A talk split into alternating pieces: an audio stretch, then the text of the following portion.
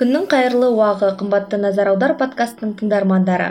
Сіздермен мен назерке мұса бүгінгі шығарылымда біз түркияда біршама уақыт тұрып оқып келген әріптесім дана русланқызы мен түріктердің қазақтармен дәстүрі мәдениеті бойынша ұқсастықтары түркиядағы өмір сүру деңгейі жұмыс жалақы мөлшері жайлы әңгіме өрбітетін боламыз. Жалпы түркия елі бізге тілі діні бойынша жақын. Әрі түркияда өмір сүру көпшілігіне қызық болғандықтан бүгін осы тақырыпты таңдап алдық. Дана сәлем қалың қалай? Қайырлы күн. Көңіл күйің қалай? Көңіл күйім жақсы рахмет. Дана енді өзің туралы қысқаша айта кетсең түркияға оқу әу баста сенің басты мақсатың болды ма? Не себепті дәл түркияға оқуға аттандың? Сол туралы айтып берсең. Мен дана русланқызы әл фараби атындағы қазақ ұлттық университетінің журналистика факультетінің төртінші курс студентімін. Ә, үшінші курсымда түркия мемлекеті стамбул қаласы стамбул мемлекеттік университетінің байланыс факультетінде ә, бір семестр білім алдым.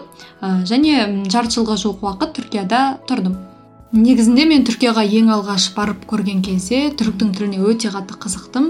Шынымен түрік тілі негізі түркі тілдес халықтардың тілі болғандықтан біріншіден қазақ тіліне өте қатты ұқсас. Сол үшін бұл тіл мені қызықтырды. Оған қоса жұмсақ айтылу жағынан да бір құлаққа жағымды естіледі сөздер де өте әсерлі әдемі болғандықтан түрік тілі мені қызықтырды. Одан кейін мен түрік тілін өз бетіммен үйрене бастадым кейін курсқа қатысып түрік тілін үйрендім. Одан кейін енді бұл алған білімімді белгілі бір бағытта қолдануым қажет болды. Сәйкесінше біздің қазақ ұлттық университетінің түркия мемлекетімен арадағы келісім шарт негізінде түркияға студенттерді жіберетінін ауысым бағдарламасы бойынша білім алуға болатынын білдім де осы бағытта жұмыс жасадым және түркияда білім алуға барлық жағдай жасадым барлық мүмкіндіктерді қарастырдым. Нәтижесінде бір семестр бойы түркияда оқып білім алуға мүмкіндікке ие болдым. Сонда бастапқыда бірінші сен түркияға барып соны көріп келдің содан кейін барып оқуға шешім қабылдадың иә? Негізінде мен оқуға барғым бармас бұрын түркияға бірнеше рет барып көргенмін. Сол кездегі жалпы адамдардың қарым қатынасы шетелдікте бөліп қарамауы жалпы сені өздерінің қоғамынан өздерінің ортасынан алшақтатпауының өзі менің ойымша туристерді тартуға сонымен қатар білім саласында келетін студенттерді тартуға бұл басты бір фишкалары деп ойлаймын. Сонысы қызықтырды.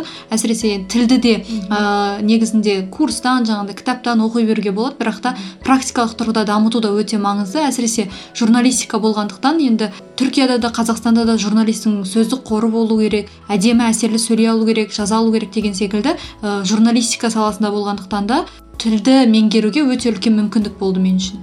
Мхм рахмет. Ал енді түріктердің біздің мынау қазақтармен қандай бір дәстүрлік мәдени айырмашылықтарын немесе керісінше ұқсастықтарын байқадың осы уақыт аралығында? Негізінде бағанада айтып өттім түркі тілдес халықтар болғаннан кейін мәдени тұрғыдан жалпы діни тұрғыдан да ә, халық бір біріне ұқсайды. Қазақ халқы да түрік халқы да. Бірақ та бір айырмашылығы бір ә, таң қалған жерім мен үшін мәдени шок болған нәрсе ол ә, түркияда әртүрлі бағытты ұстанатын адамдар бар әртүрлі дінді ұстанатын адамдар бар. Яғни әркімнің көзқарасы пікірі өмірлік бағыты әртүрлі. Сондықтан да сіз бір жағыңызға қарап ашық шашық киініп жүрген қызды да көре аласыз. Екінші жағыңызға қарап орамал тағып жүрген қызды да көре аласыз. Одан бөлек тағы бір таңғалдырған нәрсе ол орамал тағып жүрген қыздардың өзі темекі тарта бере алады. Яғни негізінде қазақтар үшін ислам бұл өте бір таза ә, сондай тазалықтың белгісі ретінде қалыптасқан. Яғни барлық адам олай деп айта алмаймын бірақ та исламды кішкене басқаша қабылдайтын адамдар да бар. Яғни жаңағындай айтып отырғандай орамал тағып жүріп ақ темекі тарта беретін деген секілді нәрселер бар. Бірақ та барлығы ол ұстанымға көзқарасқа байланысты деп ойладым солай қабылдадым. Яғни бір контраст байқалады дейсің ғой иә? Яғни сан түрлілік алуан түрлілік өте көп. Мен көп естимін жаңағы әйелдердің көбісі үйде отырады жұмыс істемейді және де әйелдерді ә, ер адамдар қамтамасыз етеді деп. Сол жағынан қалай көбіне әйелдер немен айналысады? Олардың қоғамдағы рөлі қандай? Тағы да бұл жерде пікірлердің қарама қайшылығы пікірлердің бағыты бәрібір байқалады.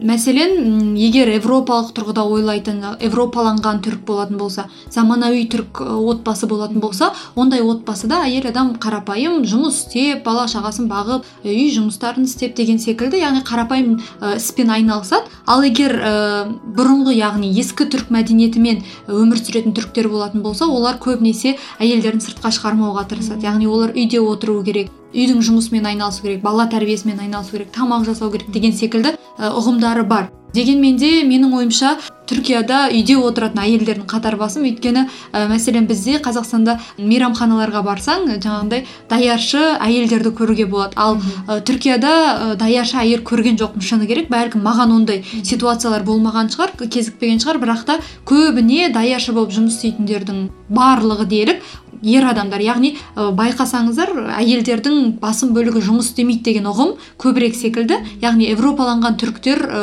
айтарлықтай көп емес деп айтқым келеді осы тұста. Бірақ та енді әрине университетте де сабақ беріп жататын әйел адамдар өте көп ә, дегенмен осы мәселе кішкене бар. Яғни бұл енді түрік халқының ежелден келе жатқан бір дәстүрінің ықпалы шығар деп ойлаймын. Жалпы айтатыным сол. А мен білуімше түркияда шаштараздар да еркектер иә?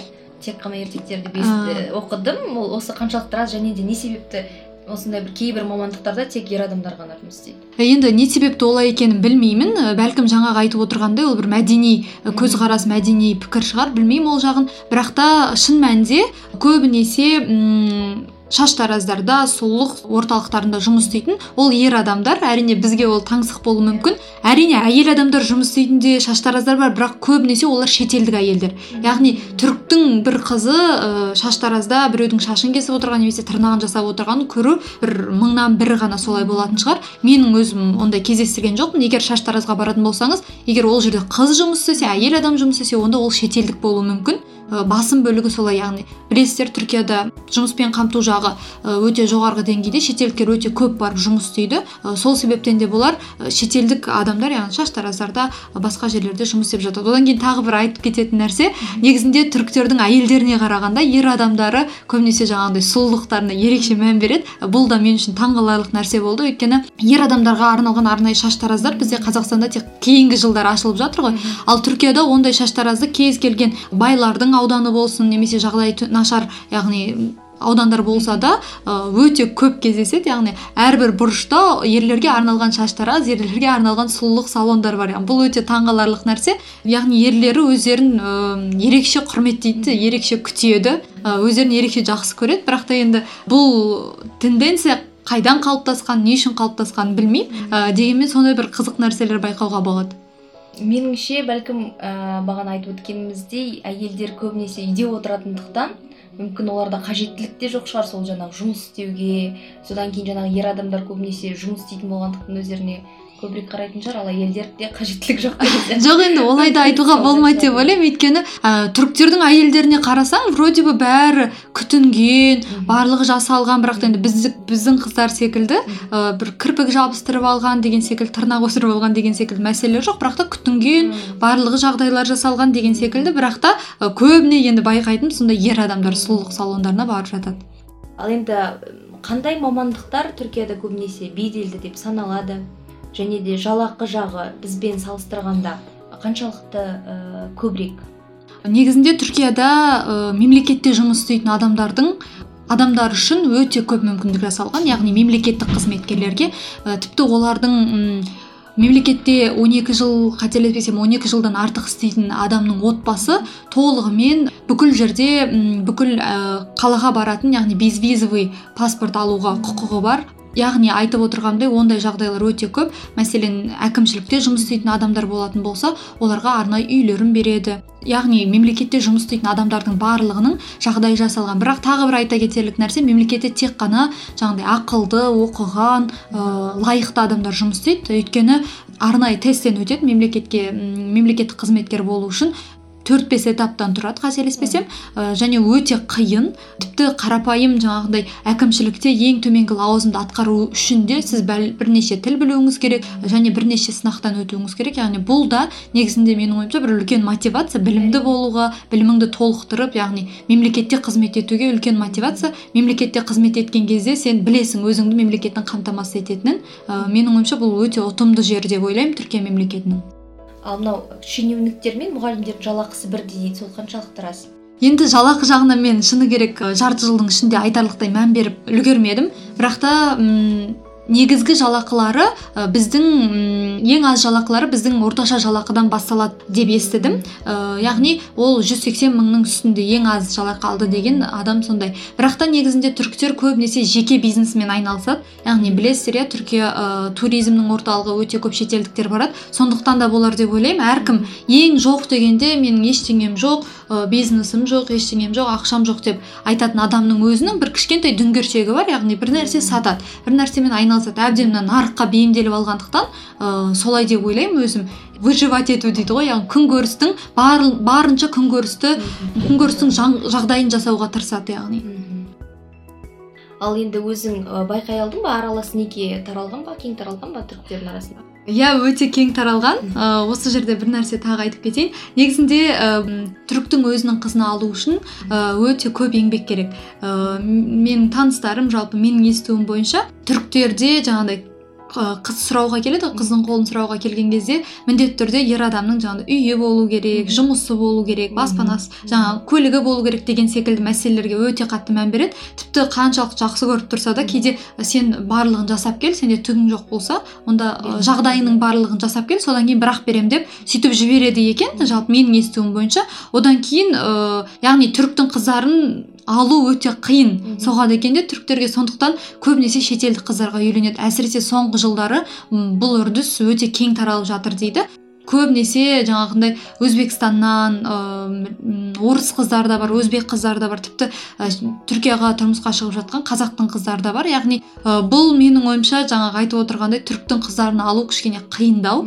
Өте көп процесстен өту керек деп айтып жатады. Содан деп ойладым. Өзім сондай бір ой қалыптасты. Алайда енді нақтысын бұл жағын білмейді екенмін. Дегенмен өте көп аралас неке.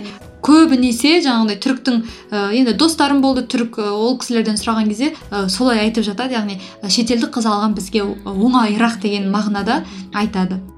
Түрік тойлары туралы көп айтып жатады. Ә, қазақтың тойларынан біршама айырмашылықтары бар деп сол жайлы не айтар едің? Бізде қазақта ұлан ғасыр той жасап туыстардың барлығын басын жинаған керемет бір сондай дәстүріміз бар ғой. Ал түріктерде кішкене басқаша әрине ондай ә, той жасайтындар да бар яғни жағдайға байланысты. Біріншіден жаңағы дастархан жайып той жасайтындар да бар. Дегенмен басым көпшілігі ә, кішкене ғана ішетін сусындар тәттілер ә, дәндер деген секілді қояды. Көбінесе түріктің тойлары билеумен өтеді яғни көңіл көтерумен өтеді. Ә, олар көңіл көтергенді билегенді сөйтіп бір бірімен әңгімелесіп жаңағыдай ақпараттармен бөлісіп жаңалықтармен бөлісіп сөйткенді жақсы көреді. Ә, көбінесе жаңағы дастархан мәселесі деген нәрселерге көп мән бере бермейді. Қысқаша кішкене ғана дастархан жайып солай тойларын өткізе береді. Бір қызығы көбіне кейбір тойлары көшеде болады. Кәдімгі көшенің ортасында үйдің алдында бола береді. Сол жерде кішкене кішкене үстелдер қояды да жаңағыдай айтып отқан тәтті сосын қойып билерін билеп жаңағыдай сөйтіп тойларын өткізеді. Айтарлықтай бір шығынданып өйтіп үлкен тойлар жасамайды. Бірақ енді әрине мен құрбыларымнан сұраған кезде ә, дәулетті адамдар жаңағындай қаражаты жеткілікті адамдар болатын болса олар ұлан ғасыр той жасайды деп жатады. Бірақ та мен өзім ондай тойларды көрген жоқпын тек кішкене ғана тойлар тойларды көрдім. иә. Кәдімгі көшенің ортасында болып жатады тойлары.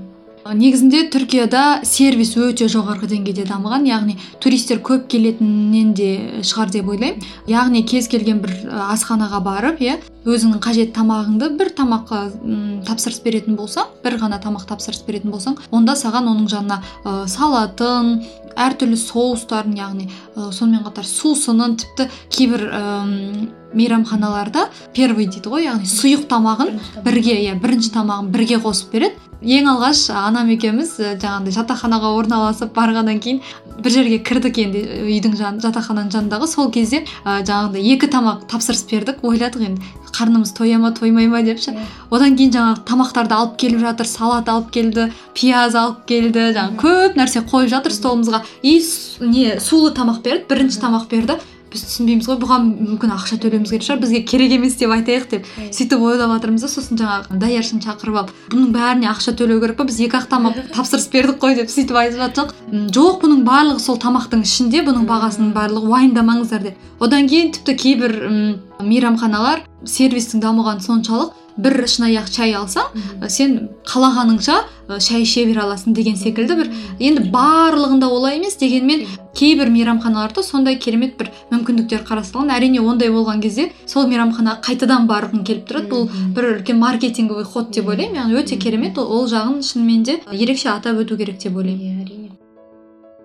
Дана енді сенің пікіріңше түркия қаншалықты қауіпсіз әсіресе әйел адамдар үшін?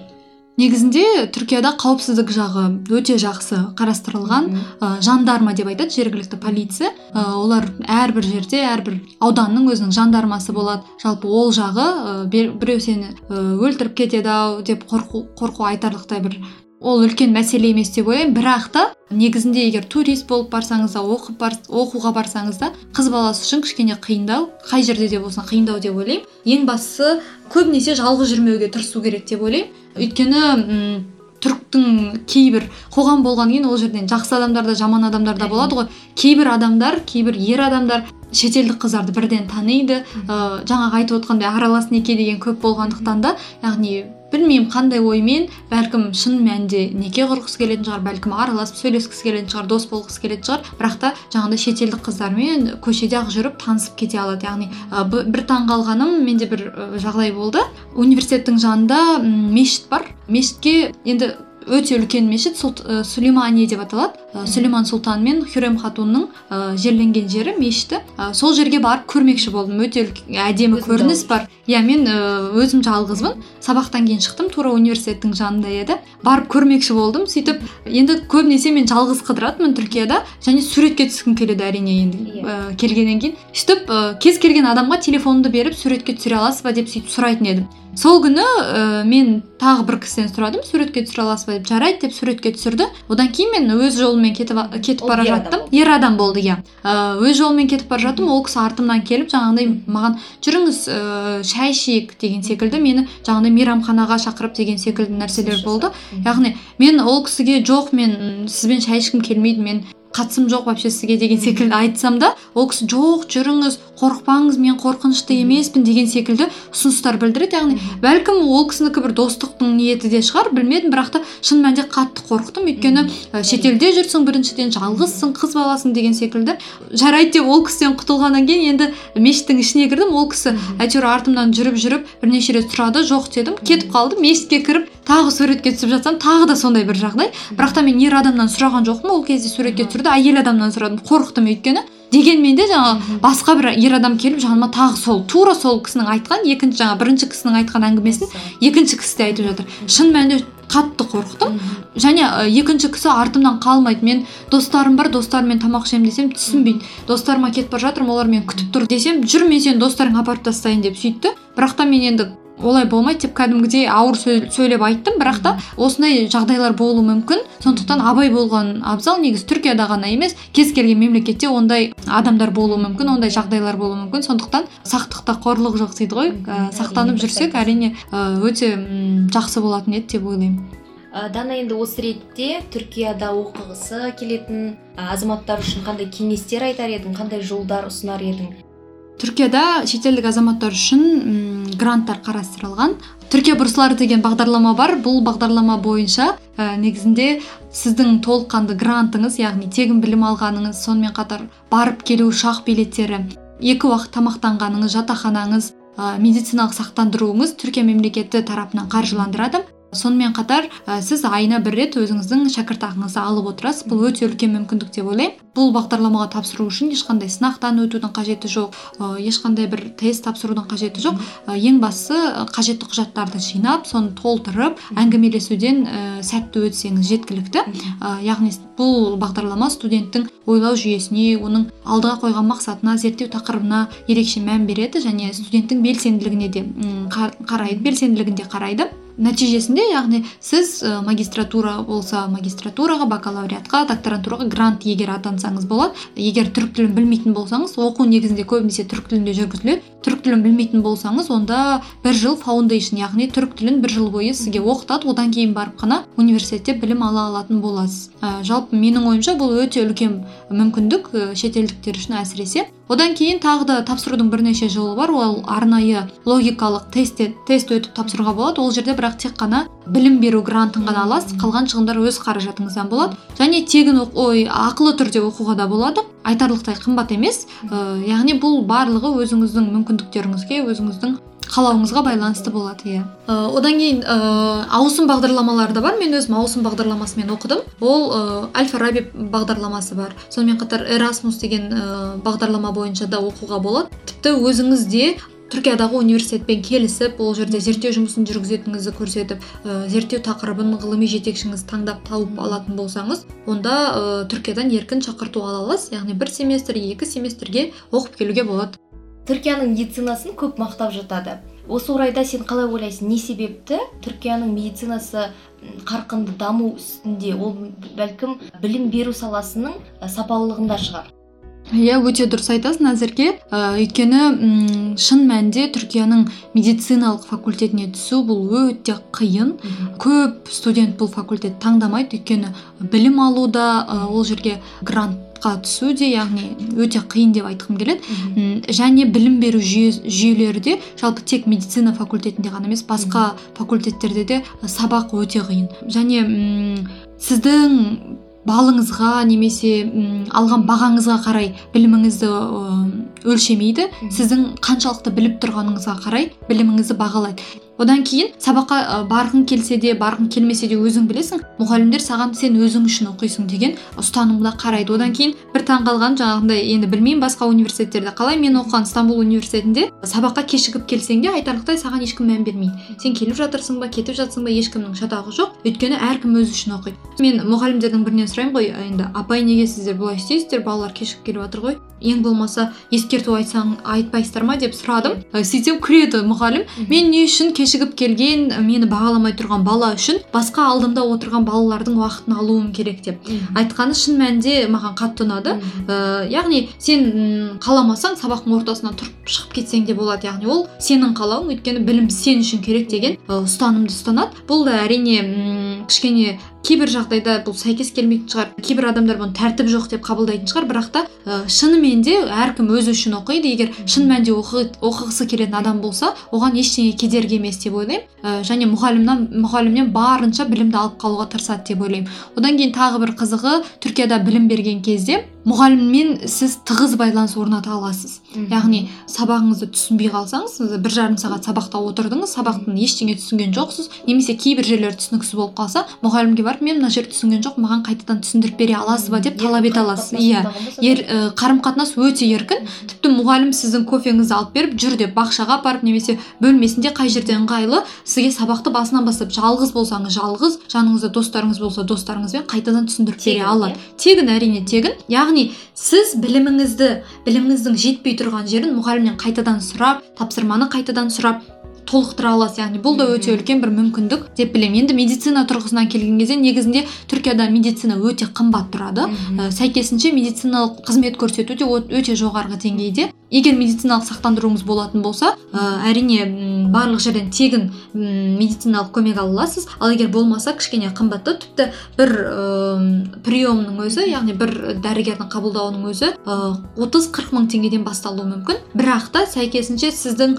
шайыңызды да әкеп беріп жағдайыңызды да жасап барлығын яғни сервис бұл жерде өз деңгейінде сізге қызмет көрсететін болады. Яғни бұл да өте үлкен бір мүмкіндік деп ойлаймын. Яғни қазақстанда да жаңағы түркияға барып ота жасатып жатқандар өте көп. Оларға да тіпті ә, кейбір жағдайда ә, скидка беріп жататындар да көрдім. Яғни өте көп ондай көмек сұрайтындар жалпы студенттерден көмектесіп жіберейік деген секілді стамбулдағы қазақ студенттерінің арасында ондай нәрсе бар. Бір біріне көмектесіп сөйтіп қазақстаннан емделуге келгендерге көмектесіп жатады. Сол кезде жаңағыдай студенттеріміздің кейбірі тіпті скидка алып беруге тырысып сондай бір біріне ерекше қамқорлық танытып жатады. Бұл жерде енді қазақтардың да қамқорлығын айта кеткім келеді. Жалпы солай ә, жағдайыңызға қарай барлығын барлық мүмкіндіктерді сізге ұсынатын болады. Енді әрине барлық аурухана олай деп айта алмаймын. Барлық аурухана жаңағыдай скидка жеңілдік береді деп айта алмаймын. Бірақ та шын мәнінде сондай жағдайыңызға ситуацияңызға қарайтын ауруханалар да бар. Ә, дана саған көп рахмет біздің подкастымыздың қатысушысы болғаныңа. Алдағы уақытта саған тек сәттілік тілейміз жоспарларың жүзеге аса берсін. Қымбатты назар аудар подкастының тыңдармандары қайталап өтейін. Бізде қонақта болған дана руслан қызы назарларыңыз тек маңызды дүниеде болсын. Çok teşekkür ediyorum. Arkadaşlar. Nazar audarı dinleyin.